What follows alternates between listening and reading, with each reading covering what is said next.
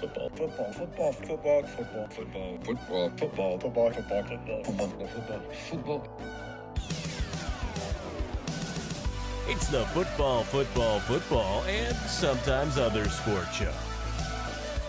Here's your host, AJ Nicoletti. What up? FFFSOSS.com at FFFSOSS Twitter, Twitter, Twitch.tv slash AJ Nick 3 this Thursday show of Championship Week ahead of Selection Sunday. We'll do a ton of college basketball at the top of the show. Talk about who are the top seeds, who are going to be the one seeds. We'll have that discussion. Um, then we'll talk about the teams that have qualified into some of the conference tournament brackets. Then we'll do soccer with a Champions League round of 16 second leg recap with four matches uh, between Tuesday and Wednesday into a weekend soccer preview. NFL headlines, little players, and then Mandalorian episode two at the end. So if you're watching Mandalorian, you haven't seen episode one or episode two yet, I will tell you when to stop the show, and then we will talk about Mando episode two, season three. All right. Um, so top seeds in the NCAA tournament. We'll kick it off with into college basketball conference tournaments, Champions League round of 16, second leg, weekend soccer preview, NFL headlines, player championship preview, and uh, Mandalorian reaction. Okay, kick it off. Who are the NCAA tournament top seeds? I think there's seven teams you could argue that have the one seed resume, some more than others, of course, and I think some are locks. Houston's a lock to me. Kansas is a lock to me. I think when you win the best league in uh, for Kansas' sake, you get in as a one seed. Uh, in my opinion, that usually happens. Houston is the best team out of the uh, non-power six in the big. In if you include the Big East and the Power Five, there, like I always do when it comes to college basketball, at least. So Houston and Kansas, you have to have them in, in my opinion. Then you got about five for two. Now Gonzaga is having a late push here. Been impressive down the stretch of the season, um, winning their conference tournament uh, after splitting with uh, St. Mary's, the one seed. Unfortunately, they had to play they were two seed Gonzaga actually, which was quite an anomaly. But Gonzaga at least deserves to be in the conversation. The two Pac 12 teams, UCLA and Arizona, I think whichever one of those teams wins the Pac 12 tournament, if one of them do, certainly gives them a uh, bonus point towards a one seed line. Because even though it hasn't been a great league, that's for sure. I agree. But the two, those teams, UCLA and Arizona, and then a little drop off with USC, and then a drop off with Arizona State, Oregon. But those top two teams are really, really strong teams. And I think if one of those two beats the other one in the final, they should get uh, one seed, at least uh, an examination. So I think UCLA and Arizona could possibly be involved. Now, the second best league for me has been Purdue in the Big Ten. And if you win at league like that, I think you deserve a one seed. I, I think it's pretty simple for me. So I kind of have three locks here, and you could take your pick with this um, last team, which is Alabama. I think Alabama probably deserves a one seed. So to me, SEC, another good league. Now, is it as strong as Big 12 or Big Ten, maybe not necessarily, but still a very talented league, a good league, good basketball in the SEC. And Bama's been, for me, the best team in that league. I know people like Tennessee. I don't like Tennessee, and them lose losing Zeigler really, really hurts. I talked about it on Tuesday's show, unfortunately for Tennessee. Um, so I think they'll be one and done in the tournament, but that's another story for another day. When we look at the matchups next Tuesday, maybe we'll mention that, but definitely picking the show, uh, picking the bracket next Thursday as we do. So that's always a fun show. So the teams that could be one seeds Houston, Alabama, Kansas, UCLA, Purdue, Gonzaga, Arizona. I think out of those seven, I'd say two and a half to three locks. I think Kansas is a lock. I think Houston is a lock. And I really, really lean Purdue as a one seed. You, I, you, you're the one seed in, in one of the best leagues. I think you deserve to be a one seed. You know, it should come down to sure the best teams get the one seed for sure. Absolutely, I agree. But if you win a really really good league and your record might not be as good as some other team, but they're coming from an eh conference. Like if it comes down to like Purdue versus UCLA or Arizona, like I really think you have to give it to Purdue. Even though I do like UCLA, I do like Arizona, and I'm not a Pac-12 hater. I stay up for those games. I watch those games. I like the, that league. I always like that league with Bill Walton calling the games on the Pac-12. As soon as I could get a Pac-12 network, I was like, I'm staying up for this. This is free sports. So Houston, Kansas, Purdue, I'd say are one seeds. As long as Purdue doesn't like get killed in the conference tournament uh, by whoever wins that uh, Rutgers Michigan game. But I think Kansas is the number one overall seed. Houston is the second number one. I think Purdue is the third, and then I think Bama gets a nod over the two Pac-12 teams, and I think Gonzaga just didn't do enough, get enough wins in that non-conference to, and they're they're playing in a good league too. The West Coast got is is is a much better league than a lot of people give it credit for. Um, San Francisco's been coming on, so uh, UCLA, Arizona, winner of the Pac-12.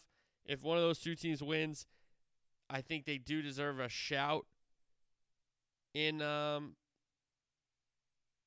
as a one seed on, on the one line, but I think you have to give it to Kansas, Houston, Purdue, Alabama. I think that's what you got to do. Um, now the bracketologists, okay, Lunardi has Kansas, Houston, UCLA, and Alabama. Again, this is as of Wednesday evening. DeCourcy from Fox has Bama, Houston, Kansas, UCLA. So same teams, different order there. Lunardi and DeCourcy. Jerry Palm from CBS has Houston, Kansas, Alabama, Purdue. So what I have. And then KenPom, top four. So it's not like a true bracketology seeding kind of thing, but just his uh the algorithm's top four that shoots it out. Houston, UCLA, Alabama, UConn. So the commonality is certainly Houston in all of those. Um, Lunardi and DeCourcy just have a different order, but they have the same teams. And Palm's the only one with Purdue in. So I, I still think that the teams that will be on the one line are Kansas, Houston, Alabama, Purdue. As long as Alabama and Purdue don't have horrendous showings in their tournaments, I think they get the one line because I think UCLA the injury with Jaylen Clark really really hurts. That sucks. That really really sucks for them. Um, and can Arizona run the table and that that I just don't think with their league UCLA and Arizona get on the one line. I think it's going to come back to what happened in their conference. Whereas a Bama benefits from a good SEC. Um, even a Purdue would benefit from a good Big Ten. But unfortunately for UCLA and Arizona, I think they will uh, not get a chance to be on the one line because of the lack in their conference. And again, for Gonzaga, certainly could have been a one seed. They play a really tough schedule. If they had ran the table or, or only suffered a few losses in, in league, like whatever it was, maybe they're on the one line, but uh, they just haven't done enough for me out of conference. So Kansas, Houston, Bama, Purdue is what I have. That's what I'm kind of thinking. All right, teams that are qualified so far. We have Southeast Missouri State out of the OVC, Fairleigh Dickinson out of the NEC, Drake's coming out of Arch Madness, the Missouri Valley, UNC Asheville from the Big South, A ASUN representing uh, is Kennesaw State, ULL Louisiana coming out of the Sun Belt, Furman out of the SoCon. It's their for, first tournament in 43 years. College of Charleston out of the CAA. That's good for a lot of bubble teams that they won their league. Uh, Horizon is Northern Kentucky. Summit is Oral Roberts. Gonzaga won the West Coast Conference. And out of the Southland, the Islanders from Texas A&M Corpus Christi. All right, let's take a look at some more uh, conference tournament brackets. Big 12. Kansas is on top. They play the winner of West Virginia and Texas Tech. Uh, and then the winner of that game plays the winner of the Baylor and ISU matchup up top. Then Texas is on the bottom. They play the winner of Oklahoma and Oklahoma State, the Bedlam game. And the other matchup down there is Kansas State TCU. So they'll play the winner of Texas versus the winner of Bedlam. Big 10 bracket. Purdue and uh, Michigan State on the top of the bracket in the double bye. Rutgers, Michigan to face Purdue. Iowa taking on the winner of Ohio State, Wisconsin. That's going on right now. It's a commercial break. Sorry. Uh, and at the bottom of the bracket, Northwestern and Indiana have the double bye. Penn State, Illinois, and then Maryland takes on the winner of Minnesota and Nebraska. SEC at the top. Bama plays the winner of Mississippi State and Florida. Tennessee plays the winner of Ole Miss, South Carolina. Then Mizzou plays the winner of that game. Uh, bottom A&M plays the winner of Arkansas, Auburn. Kentucky plays Vandy's uh, after Vandy takes on LSU and the Georgia winner. So that's who Kentucky could play. Big East. Marquette is at the top. They play St. John's on noon on Thursday. UConn Providence follows that. Then we got at the bottom, we got a little bit of an upset. This one just ended as I'm recording here. Xavier is going to play DePaul after Seton Hall was up two. Uh, DePaul stole the inbounds pass. They got fouled shooting a three. The kid makes the free throws, and they find a way to win the game with a uh, block at the rim with the time expiring. So that was crazy absolute wild finish to that game. Unfortunate for the Seton Hall Pirates and Coach Holloway's first year at his alma So Xavier's going to play DePaul, and then the nightcap, Creighton will play the winner of Villanova Georgetown. That's set the tip off shortly as you listen to this in uh, the past. ACC bracket, Miami's at the top. They play the winner of Wake. Uh, they play Wake, sorry. Duke plays Pitt, uh, Georgia Tech's winner. Okay. Uh, Virginia at the bottom. They're going to play the winner of the Carolina Boston College game, and then Clemson plays the winner of the NC State Tech game. Uh, we've already seen two coaches in the ACC uh, call out a career. We knew about Mike Brey, who announced it a few weeks ago that he was going to be done uh, coaching, and now Jim Boeheim, who had a weird remarks on Senior Day, and then basically said it again. Like I retired a, a few weeks ago and nobody know or whatever. Like, what are you talking about, dude? So a really weird move. Boeheim's always been a weird guy. He's always been a weird dude. Uh, he's a very good basketball coach. He helped revolutionize the game with the two-three zone being so effective in college basketball and the system and the recruiting that he does to get uh, or did to get that zone working so well. But he's gonna call it a, a career. 47 years coaching, the Natty with Melo. Uh, a pretty good coaching career, that's for sure, in a very tough sport where a lot of guys don't have any success. That guy coached there for 47 years, so that's all you need to know about that. All right, um, so that's the ACC. Pac-12 out west. Games are gonna be tipping off at like 1 a.m. Some of these games. UCLA is playing the winner of Washington, Colorado. Oregon plays the Wazzu Cal winner. At the bottom, Arizona plays the Utah Stanford winner, and then USC plays the winner of Arizona State, Oregon State. Over to footy. Champions League round of 16 second legs. Chelsea Dortmund. Dortmund held the 1 0 lead from the first leg, but this one was different in London. So many chances for Chelsea early. They hit so many posts, but Raheem Sterling finally gets a goal. Then Kai Havertz got a goal um, from the spot. His penalty hit the post, but he gets another chance because Dortmund encroached on the second penalty. He scores. Chelsea end up keeping the lead. Got a little testy uh, and feisty late and cagey in that match, but Chelsea prevail. A big win. They need wins. They need to feel better about themselves. They need to score some goals, that's for sure. And they get two at Stamford Bridge to get past Dortmund into the quarterfinal. Benfica and Brugge. It would have needed a miracle from Brugge traveling to Portugal after Benfica beat them in Brussels 2 0. And Benfica blow them out 5 1. They had two in the first half, three in the second half. Rafa, then Gonzalo Ramos had one in the second, his uh, one in the first half, and then his second in the second half. João Mário scored, and then Neres also scored. So that was the situation on Tuesday with Benfica and Chelsea moving on on Wednesday. Tottenham tried to turn around a goal deficit after they lost at the San Siro against AC Milan. This one finished nil nil in London. Romero got sent off a second yellow in the second half. The really interesting thing about this is Conte after the game. Quote, I'm under contract at Tottenham, then we will decide at the end of the season with the club. My contract expires in June. We will see. They might sack me even before the season ends. Who knows? Maybe they are disappointed.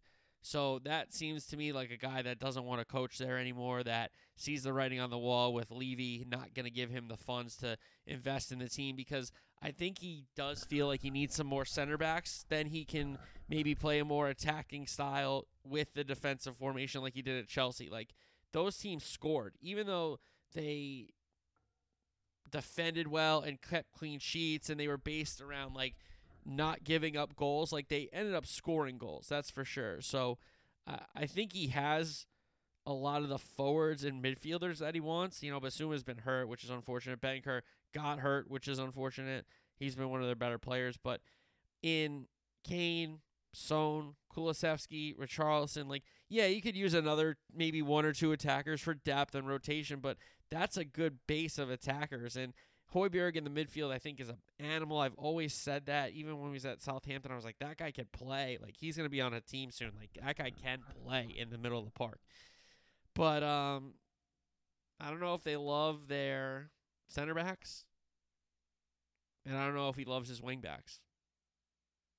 You know, to go get Perisic like that, that was interesting to me. A guy kind of towards the end of his career, um, the Croat. But Tottenham out AC Milan advanced to the quarterfinal. Then we had Munich and PSG. Bayern Munich led by one goal after the Kingsley Coman goal in Paris. They win the second leg 2 0. First half, a big moment in the tie. Uh, Vitinha with a mistake from Sommer, the goalie from uh, Bayern Munich. Vitinha strikes for goal. De Ligt goal line clearance, a brilliant clearance um, from the Dutch.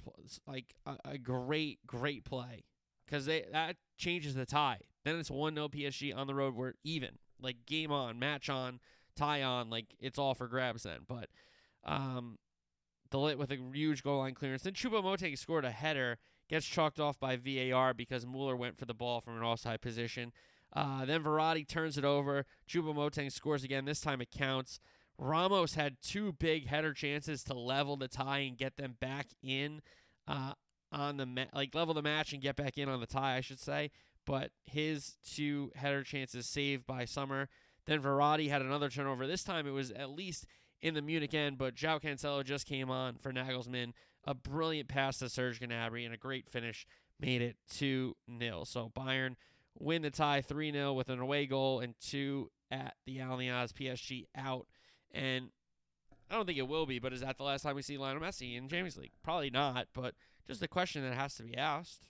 Is that the last time we see Mbappe with Paris Saint Germain in the Champions League? Very interesting. Very interesting to talk about when we mention where PSG is going. So PSG out, Tottenham out, Brugge out, and Dortmund out. Dortmund had won 10 games this year, this calendar year, by the way. So then to lose to Stamford Bridge, that's a big, big result for Chelsea. Give them a bunch of credit. All right, we get soccer preview. Bournemouth, the last place team, if I'm not mistaken, in the table, hosts Liverpool. Liverpool coming off the 7 0 uh, big win. They play Real Madrid in the midweek, and then I think they're off before the international break because they were set to play somebody in the cor- in the um, FA Cup matches over the weekend. So Liverpool with a big spot on the road against a team that just blew a 2 0 lead at the Emirates in a big game that could have swung their season. They get three points there. Nobody thinks they're going to get three points there. They get three points there. Would have been crazy, but they do not. And they lose to Arsenal in stoppage time with basically the last kick of the match there.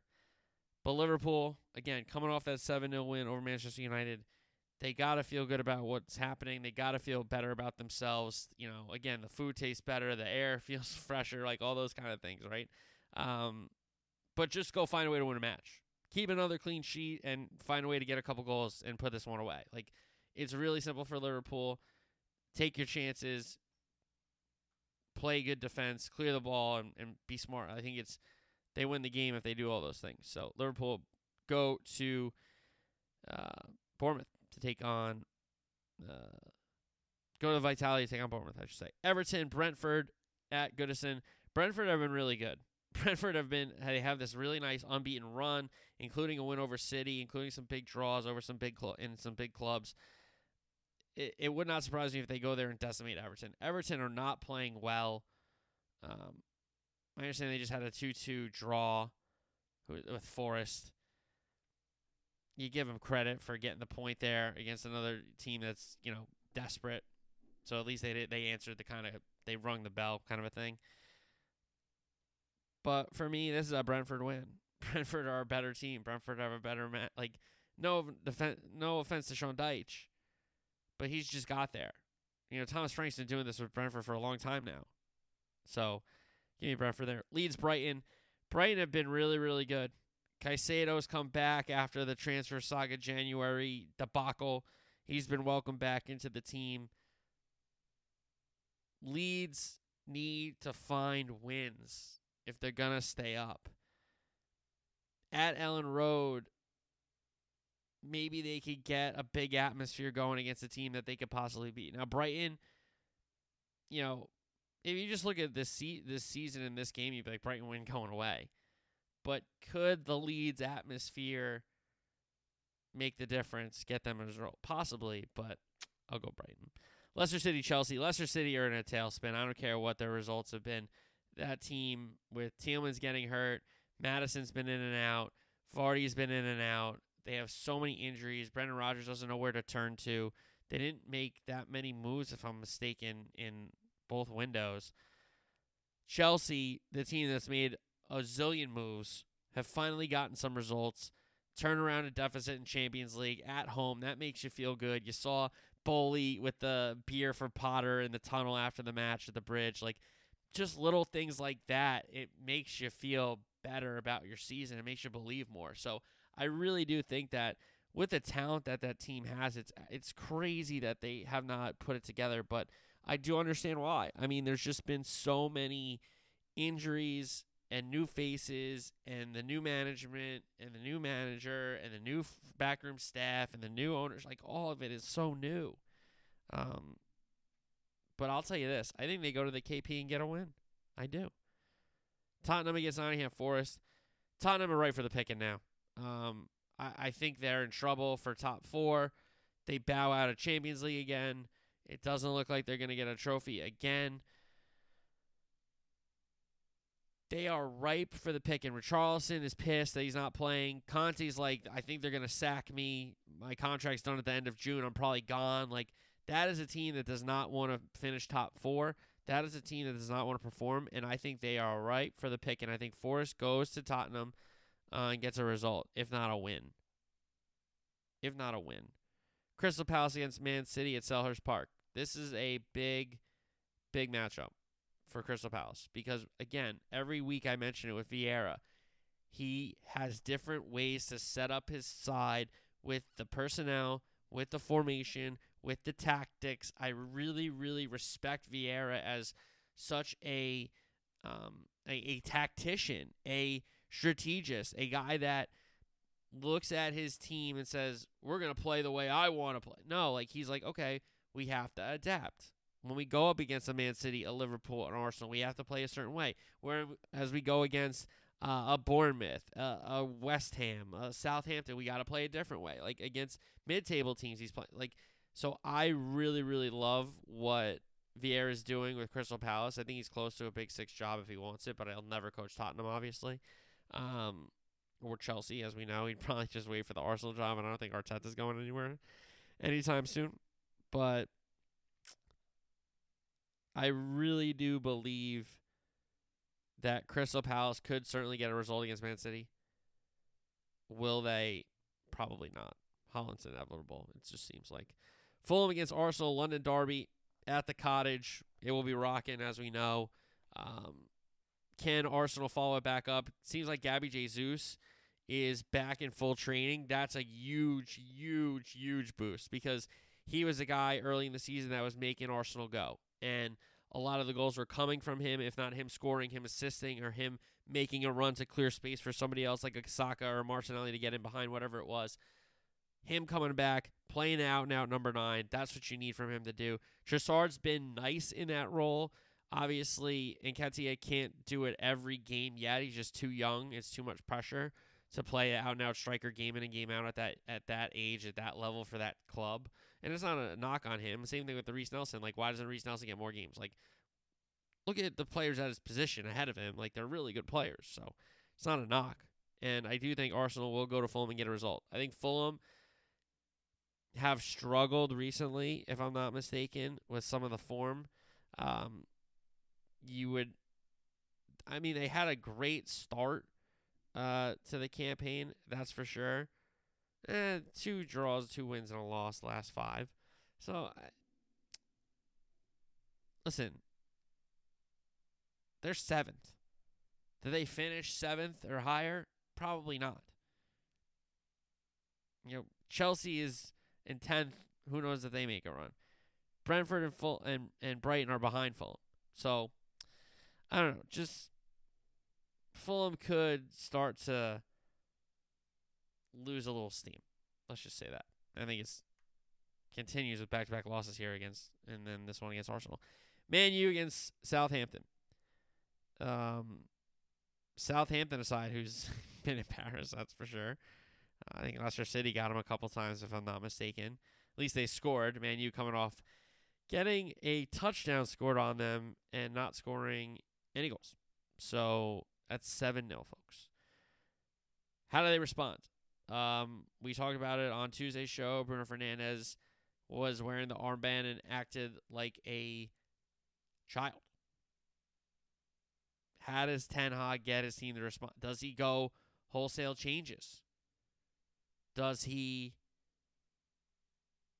change the system? Like, what does he do? Because it's very interesting because early in the season they had this issue. You know, the 4 0 loss to Brentford in London. Like, they were getting clowned. And then they put together a good run. Gave them credit. They won a, a trophy. Carabao Cup final. It's a trophy. Even though I call it Mickey Mouse Cup sometimes, it's a trophy. Um, it's the least important one you can play for in England. That's for sure. Out of the the Prem, Champions League, and FA Cup and Carabao Cup. So, still a trophy. Give them credit. But then um, a snapback to reality, as Slim Shady once said in the Prem. So, can Southampton keep it cagey, keep it close? Difference maker being Ward Prowse, free kick, something like that, set piece. Very interested to see that one. Can Man U respond? What are they made of?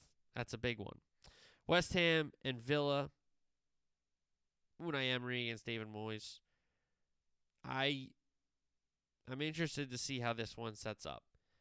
Because West Ham need wins in the worst way, and it seems like their backs been up against the wall and they find a result, they find a way to get a win, and then that buys them like two, three losses, and then it is what it is. Villa with Emery coming in have looked good. I think Villa go to uh, the Hammers again win. Newcastle Wolves. Wolves have been interesting. Lopetegui has them playing his system, his style, getting wins, getting results. Newcastle's got to respond here. A loss to Liverpool, a loss to Man City. What are they made of? Now you're at home. Welcome in a team that's fighting for it at the bottom of the table, getting some results, finding a little bit of their legs. What can you do? Are you built for top four? Let's see what happens with Newcastle. All right, La Liga, Real Madrid, Espanyol, Athletic, Barcelona, and Girona against Atletico. Serie A, Spezia Calcio play Inter, Napoli play Atalanta, Roma play Sassuolo, Juventus play Sampdoria, AC Milan play Salernitana Calcio. Bundesliga action, Munich, Augsburg, Rebel Leipzig, Gladbach, Schalke, Dortmund, Wolfsburg, Union Berlin, and Brest hosts PSG. NFL headlines. Um, there's going to be some takes, guys. These are going to be some takes, so get ready. Uh, Ravens tag Lamar Jackson with the non-exclusive franchise tag. Allowed to negotiate with other teams, but Ravens have the right to match any offer he signs or possibly take two first-round picks in return. So that's what the non-exclusive tag is. So he'd be making 32-5 if he took the tag and played for the Ravens. Now, I'm I don't want to say I'm a hater. I don't think I'm a hater. I think I'm a realist. I think he's a very talented player. I don't think he's a great quarterback. I don't think he's a great thrower of the football. I think he brings you something to an offense that if you build it around his skill set, you can win in this league. We've seen them win games, the Ravens, with this play tough defense, get some short fields, do enough in the run game and just enough in the passing game to either get in the red zone, get into field goal range, or finally get into the end zone because they have a great kicker. Like the Ravens are built, guys, to win close, tight games, run the ball, stop the run, and kick field goals if you have to because you have a field goal kicker. And most guys would end up punting, possibly even going for it. They we've seen them go for it a ton with Lamar. But what if the Ravens and a lot of other teams think the way I think about Lamar instead of the way the media and so many people who just regurgitate the takes do? He's a special athlete. He's a sensational talent. You cannot deny that. MVP, absolutely. He does not throw the ball consistently and accurately enough from the pocket. He looks to take off and run too much. He isn't the biggest quarterback that he runs so much he could get banged up. These are all facts. What if the rest of the league thinks like that and not like the media who's like, this guy's unbelievable. How come these teams are saying they're out? Why does this team say they're out? Maybe because they don't want to give him all that money in case he gets folded like a pretzel. And I'm not being a hater. I'm I I've been wrong about him. I never thought it was going to work out to begin with. Give him credit. He won an MVP right in my face. But I've not changed I've not changed the goalposts. The whole point was I don't think he's accurate enough and consistently good enough from the pocket to beat NFL teams. We've seen when the Ravens have fallen behind in games, when they've had to spread it out, when they've had to throw it, they have not come back in those games. They're not good from two scores down. They're not good from three scores down. Not many teams are for sure, but the way the game's played with the offense and the officiating, like you see a lot more comebacks than you used to. Point being, if the Ravens didn't play the game the way they wanted to, they were not winning games. A lot of teams in this league, guys, a lot of things can go wrong for them in the game, and they have the guy at the ultimate position that bails them out with a big throw. You can say, well, AJ, they Lamar bails them out with a big run. Fair. That's a good point. But how many times how how many more times do you need him to make a big throw for you then take off and run? If you're going to be a Super Bowl champion. And people will be like, well, also you're talking about Super Bowl. Every quarterback is measured to that. How come he gets treated with kid gloves? How come? I'm just asking questions. Sounds like Al. Uh, maybe I shouldn't say it like that without. I'm just asking questions. but ser- but listen, I have not moved the goalposts on him. I've conceded that I didn't think he was going to be the level he is. However, the media and fans and all these other clowns put him way above the level that he is. He's an outstanding athlete. He's not a great quarterback. And the writing is on the wall that the Ravens didn't want to do a long term deal with guaranteed money. The writing is on the wall that all these other NFL teams aren't reaching out and grabbing him, aren't reaching out and negotiating right away. The writing's on the wall. They agree with me. They don't trust him in a big spot to throw the ball. That's the whole position. That's the whole position. Can you throw the ball in a big spot? I don't think he can. I don't think he can. And I think a lot more NFL teams agree with me than a lot more than agree with you out there. That's the big Lamar fan. And I'm not trying to be a hater because I haven't said he stunk. I can't. I haven't said he stinks. I haven't said he's a bad player. I haven't said anything. I've I congratulated him on the MVP. I said, hey, I was wrong. I was wrong. But I didn't move the goalpost about the accuracy and consistency from the pocket thing. I did not do that. And I think more NFL teams agree with me than disagree with me. Because the Ravens have not given him the guaranteed money. No other team yet has come out and offered him a big contract. Teams are saying we're out of the race for him. So I think that's what happens, folks. I think a lot more teams say, you know what? A lot of things went right for the Ravens in the Lamar era, whether it be fumbles, long field goals, turnovers. I'm just saying. The Ravens had to win games their way. They couldn't win them any, any other way. They couldn't come back from two scores down because they had to spread it out and throw it. They can't trust them enough to throw it.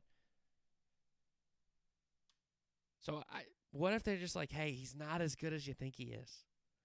And I think that's the story, folks. I think that's the story with Lamar Jackson. I think everybody said, "Oh my god, this guy's so and a lot of people in the NFL were like, "Yeah, but." And that's unfortunately what it is, folks. So that's the Lamar stuff. He can negotiate with any team. Those team that team will have to give up two first round picks. Ravens are going to pay him 32-5 if he stays with the Ravens. Now, the other quarterback that uh, I don't want to say ticked off about, but I have a take about Aaron Rodgers talking to the Jets. And I understand the Jets.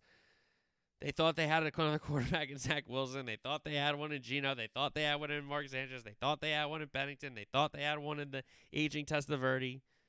They thought they had one when they got Esiason. They thought they had one when they had Kenny O'Brien. Okay, so you get my point about the Jets quarterbacks. Point being, I don't think Aaron Rodgers is the same Aaron Rodgers we had a couple years ago. Where like you could argue, hey, Tom Brady kind of got better.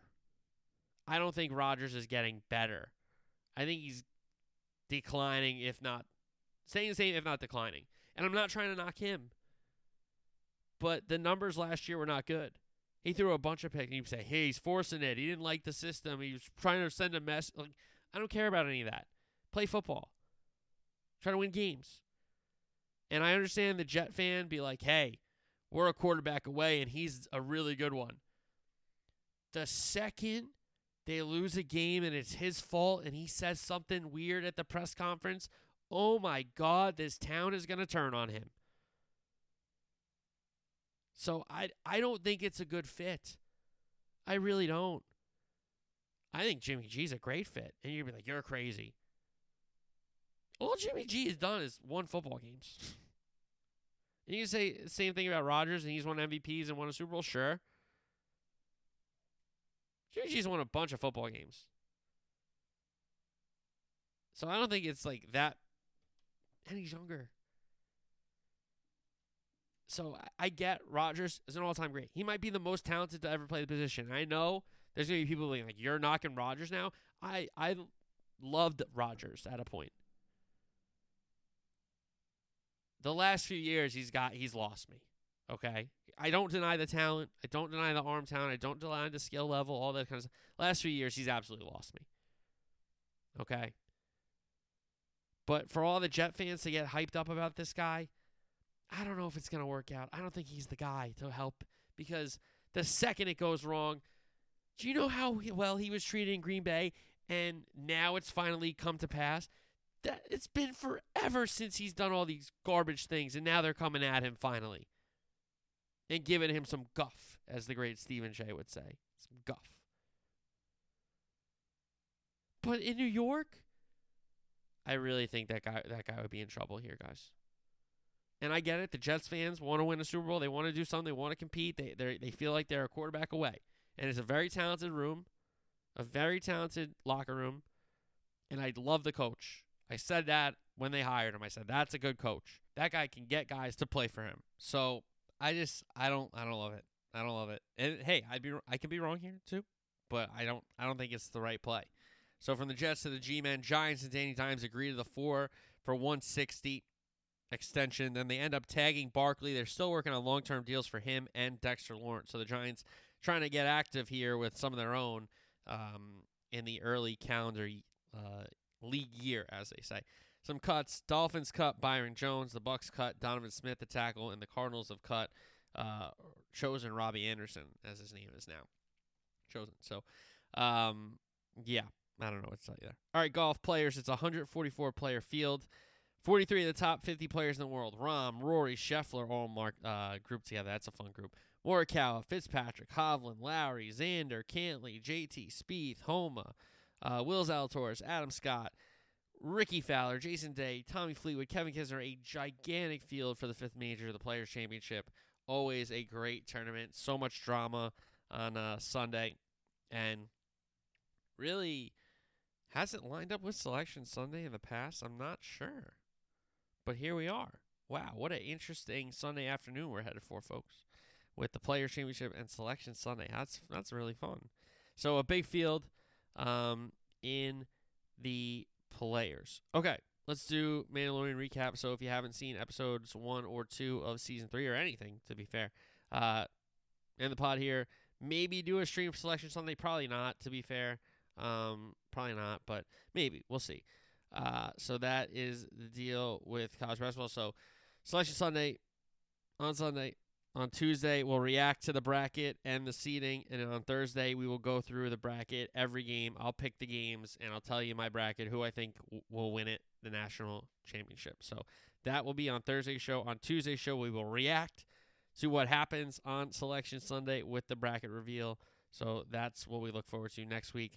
Um, more Champions League uh, round of 16 second legs on Tuesday and Wednesday as well. So a lot of college basketball, a lot of soccer, and I'm sure there'll be some more NFL news. And we are headed towards major season in golf. Not there yet, but a little appetizer with the Player Championship. So all that and more next week. So if you um, have not watched Mandalorian, tune out right now. Talk to you next week. Have a great weekend.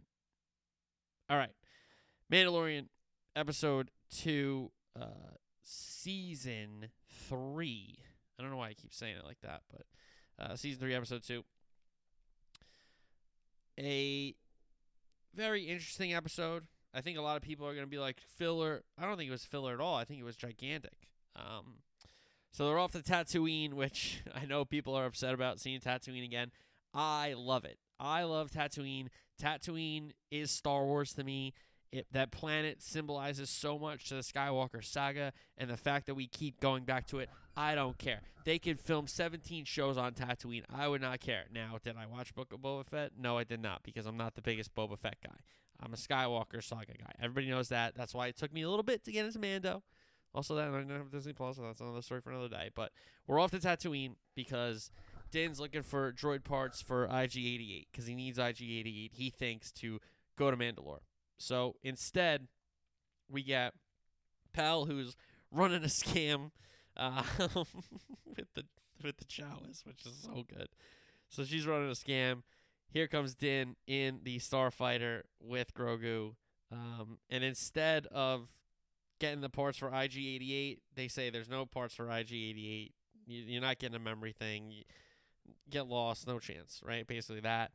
Uh, she sells him the R5 droid. Now, if you are familiar with Star Wars, if you're familiar with the details and and um, how should I say this? As George says, it's like poetry. It rhymes. Um, the Easter eggs. This R5 droid was the droid that Uncle Owen originally picked with C3PO at the uh, the Jawa sale in A New Hope in that first act. He blows his little uh, what is it? I don't know. Compactor? Is that what he blew? He blew a fuse or whatever. Can't remember what it's called off the top of my head. But anyway, a lot has been talked about this R5 droid.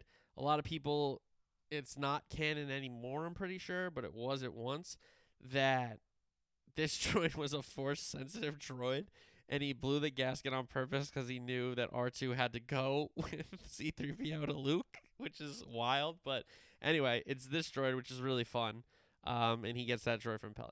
So they're off to Mandalore. Nice scene in orbit with Din and Grogu. He's talking to him about the, the scanning and the and the systems and the planets and flying and all that kind of stuff. So that's good.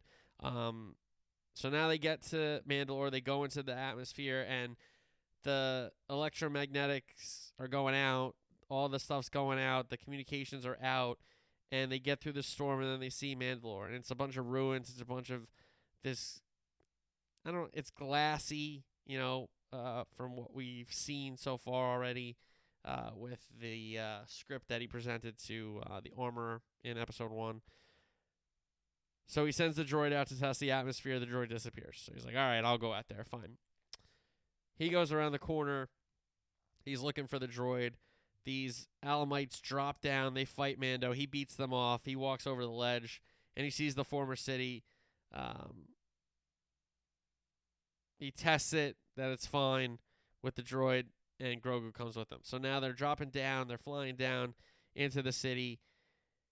They're walking along trails and kind of things. Grogu's getting a little freaked out, but he's like, "Hey, this is like my planet. You know, I'm a Mandalorian now. I'm not a Jedi, right? I'm just a force sensitive Mandalorian, of course. Uh, apparently. Um.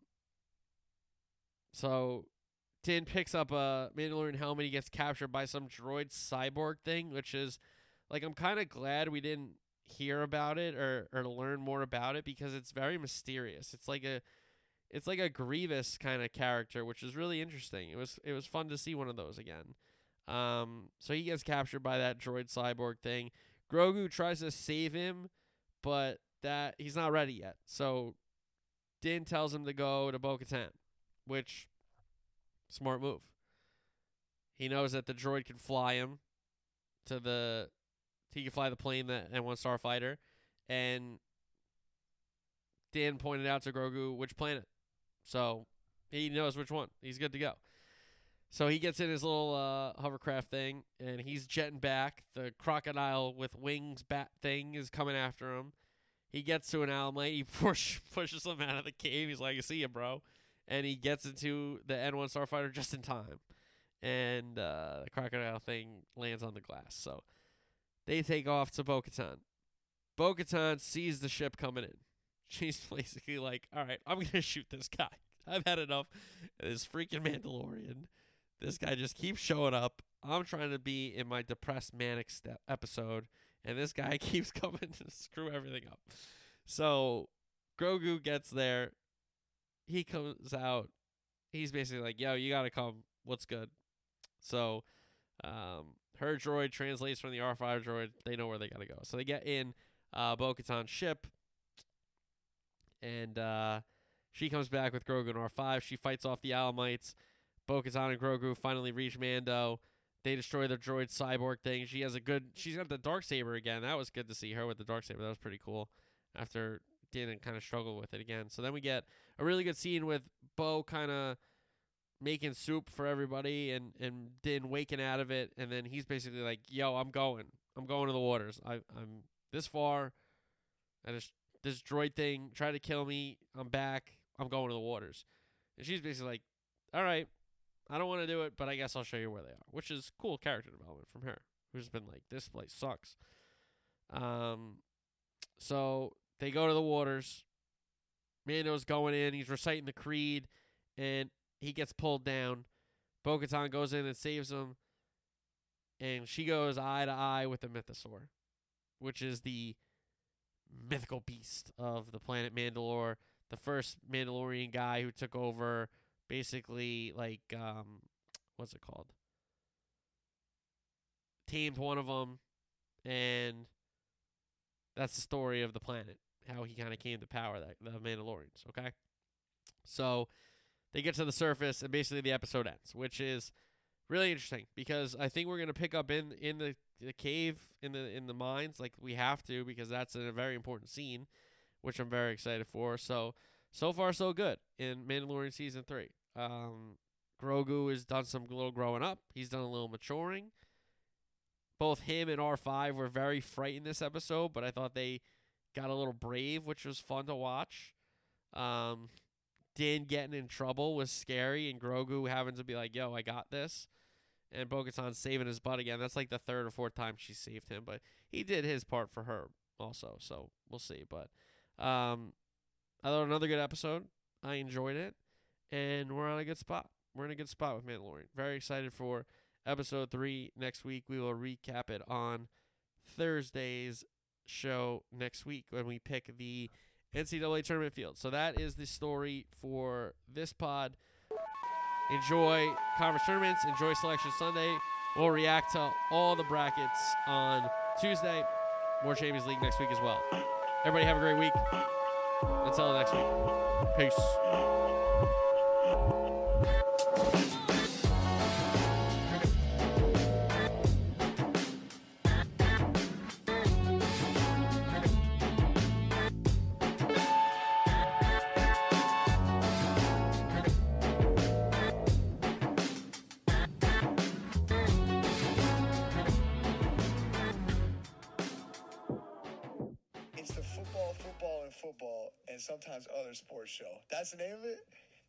Check out his podcast. That sounds like my kind of podcast. Football, football, football, and sometimes other sports show. Sounds like me.